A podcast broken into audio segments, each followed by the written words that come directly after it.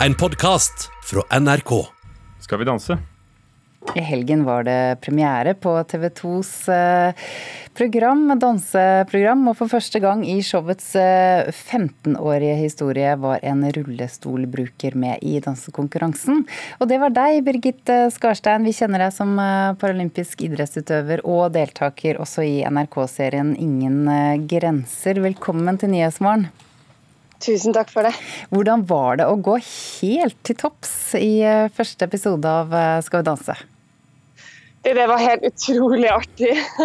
Vi hadde jobba ganske hardt for å legge en litt kul koreografi. Altså, det var mange som så rullestolene for første gang. Så jeg hadde lyst til at det skulle bli bra, at de skulle synes det var kult. Og kanskje litt spesielt eh, ekstra artig egentlig å få det til når det var såpass mange som hadde vært så skeptiske. Hvordan får du til å danse grasiøst i en rullestol? Hva er hemmeligheten? Det er egentlig akkurat det samme som å danse uten rullestol. Det handler om flyt, det handler om samspill. Det handler om eh, å eh, være ganske presis i bevegelsene. Og eh, klare å bruke hverandre på en ordentlig måte. Å være til stede, ha innlevelse.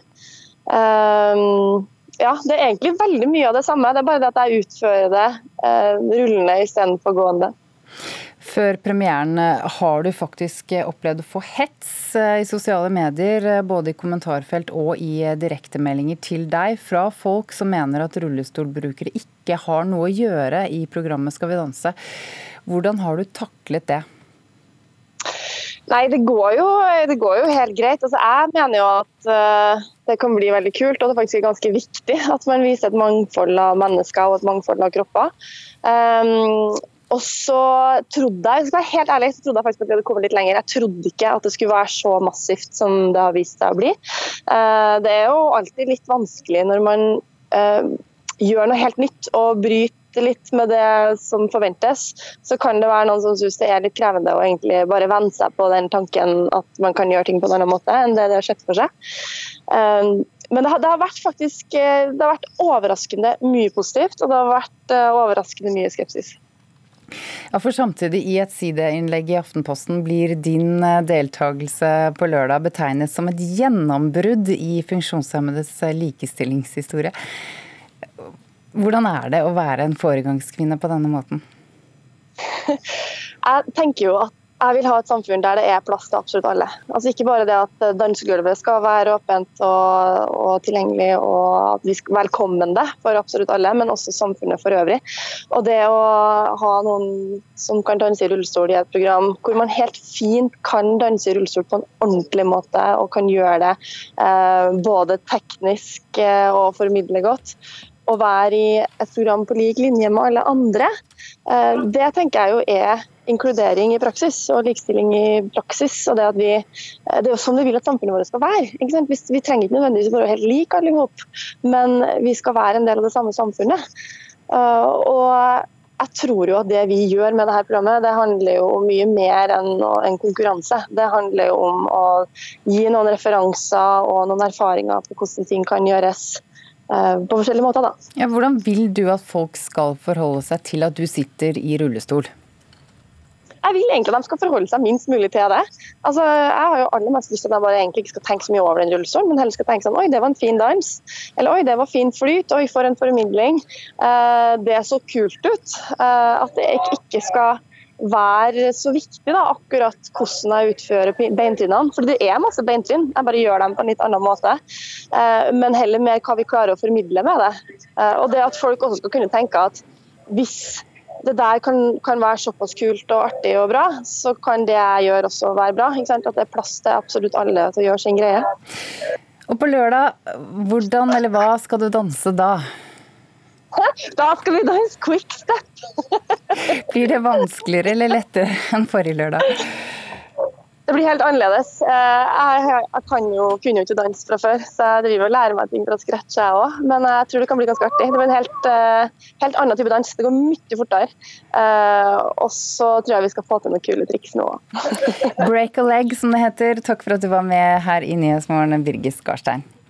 Og lykke til. Striden om minnesmerket og minnestedet på Utøyakaia er eh, ikke over. En gruppe naboer til Utøyakaia saksøkte staten og AUF i sommer, og de håpet å stanse byggingen av dette minnestedet. Nå har de fått psykiatere til å undersøke effektene det vil ha på dem og andre som bor i nærheten, og denne rapporten de har laget konkluderer med at fem av naboene sannsynligvis vil få psykiske skader pga. minnestedet. Nei, Det er søvnproblemer, da. Og... Hodepine. Ja. Og skjelving. Jeg merker jo det at jeg må løse opp sjøl. Ekteparet Terje og Karin Lien var med og redda ungdommer fra terroristen den 22. juli. De kommer til å bli blant de nærmeste naboene til den nye nasjonale minnestaden på Utøyakaia, og er blant saksøkerne som vil stoppe bygginga av den. Vi blir jo minna på dette her sånn hele tiden. Vi ser jo dette rett fra kjøkkenvinduet vårt og stuevinduet. Ser vi rett ned på et eh, ja, Jeg vil kalle det en kirkegård. det. Med 77 søyler som er tre meter høye. Og det vil jo vi se døgnet rundt. Så det er jo veldig belastende for oss. Og vi er ikke mot minnesmerket, men vi er mot plasseringa. Psykiatere ved den private behandlingsstaden Ressursklinikken har gjort ei undersøking av 18 av naboene til Utøyakaia for å kartlegge om de vil få psykiske skader hvis minnestaden blir bygga ferdig. Kartlegginga er gjort på oppdrag av naboene som har gått til søksmål mot staten, og flesteparten er med på undersøkinga. Rapporten viser bl.a. at fem av naboene har stor sjanse for å få psykiske skader ved å bo så tett på minnestaden. Så det er ganske, ganske store funn, eh, faktisk. Rapporten er eh, svært grundig. Eh, den er eh, gjort av eh, svært kompetente eh, psykiatere. Det sier advokaten til saksøkerne, Ole Hauge Bendiksen, som skal legge fram rapporten i retten. Men ikke alle naboer er imot minnestaden.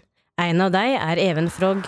Nei, jeg er ikke imot minnesmerket. Jeg mener de etterlatte, overlevende og pårørende fortjener et eh, verdig sted å kunne minnes sine som gikk bort 22.07. Spørsmålet er nå hvor stor vekt retten vil legge på den psykiatriske rapporten når saka skal opp for retten den 15. september.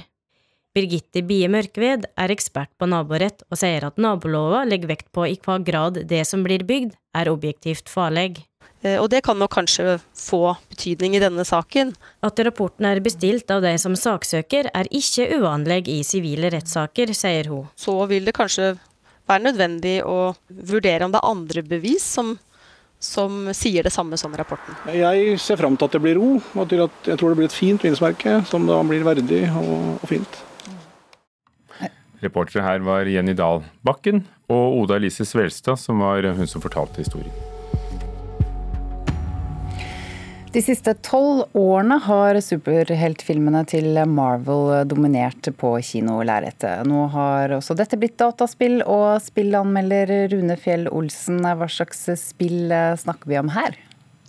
Ja, det som er litt spesielt med dette filmatiske universet til Marvel, det er jo at det er snakk om 22 filmer som alle henger sammen. og Mange kan kanskje tro da, at dette spillet fortsetter den historien, men dette er en separat eh, historieboble som eksisterer da ved siden av disse filmene. Så her møter du da eh, disse Marvel-heltene en stund seinere.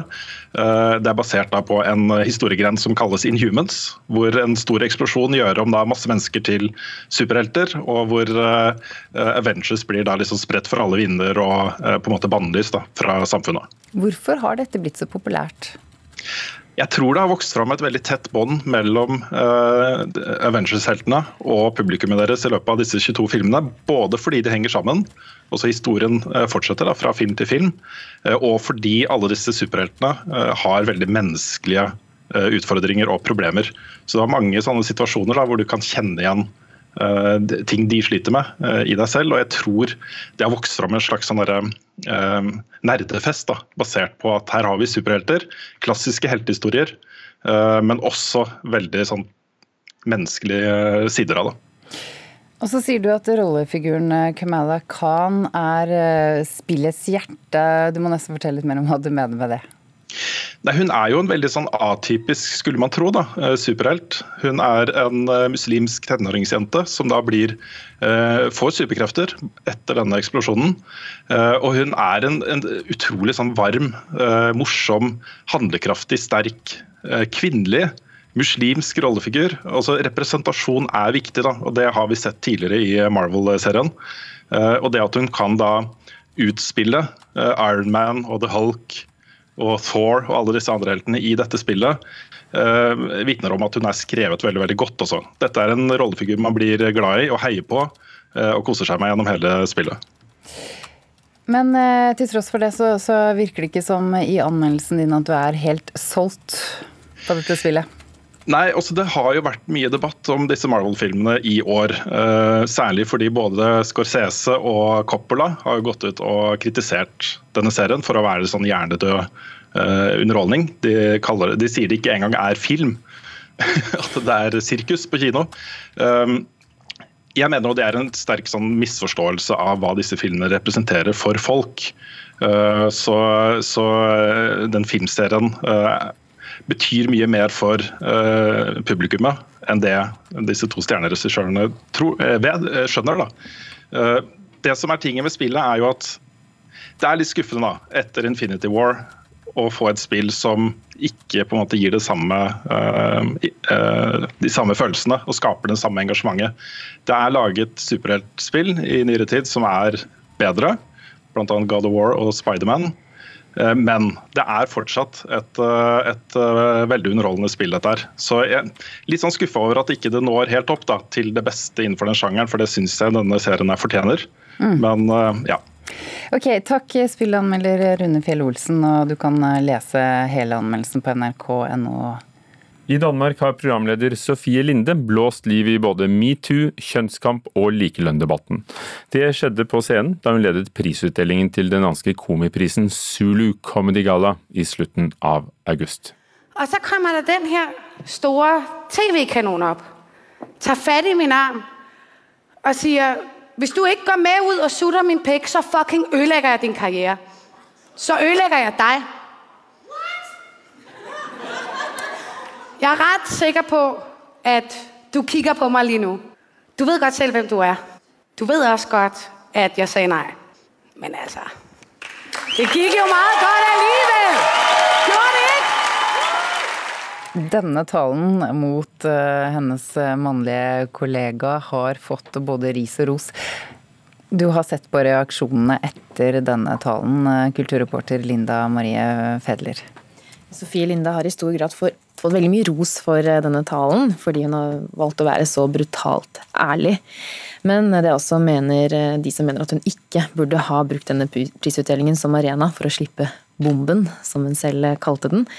En dansk politiker møtte Linde i DR-programmet Debatten, hvor hun mente at Linde gjorde seg selv til et offer. Og hun kunne heller ikke forstå hvorfor Linde da valgte å takke ja til jobben som programleder, da hun like etterpå valgte å rakke ned på å få, det, få, få for dårlig betalt. Eh, men så er det også de som mener at hun kunne ha vært enda ærligere, som da hun snakket eh, om denne mannlige sjefen som har kommet med ganske upassende kommentarer mener hun eh, at eh, det var flere som mener nå at hun burde ha omtalt han med navn. Kan dette være med på å utløse en metoo-oppvaskrunde i Danmark?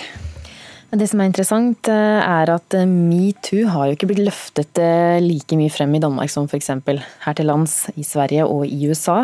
I Sverige så hadde man jo store demonstrasjoner og debatter og politiske endringer, mens i Danmark så ble bevegelsen heller omtalt som en heksejakt. Og det var praktisk talt ingen danske politikere som kommenterte saken i denne perioden. Og spesielt mannlige journalister var kritiske til eh, bevegelsen og omtalte den som en ulovlig folkedomstol. Og det ble i mye mindre grad mediedekning rundt saken. Men nå i etterkant så har, et, etterkant så har jo en, en politiker nå engasjert seg i Lindes eh, tale, og oppfordrer nå DR og Dans TV 2s styreledere til å ta tak i eh, ja, eh, den behandlingen av sine kvinnelige ansatte. Takk, kulturreporter Linda Marie Fedler. Du har hørt en podkast fra NRK. Hør flere podkaster og din favorittkanal i appen NRK Radio.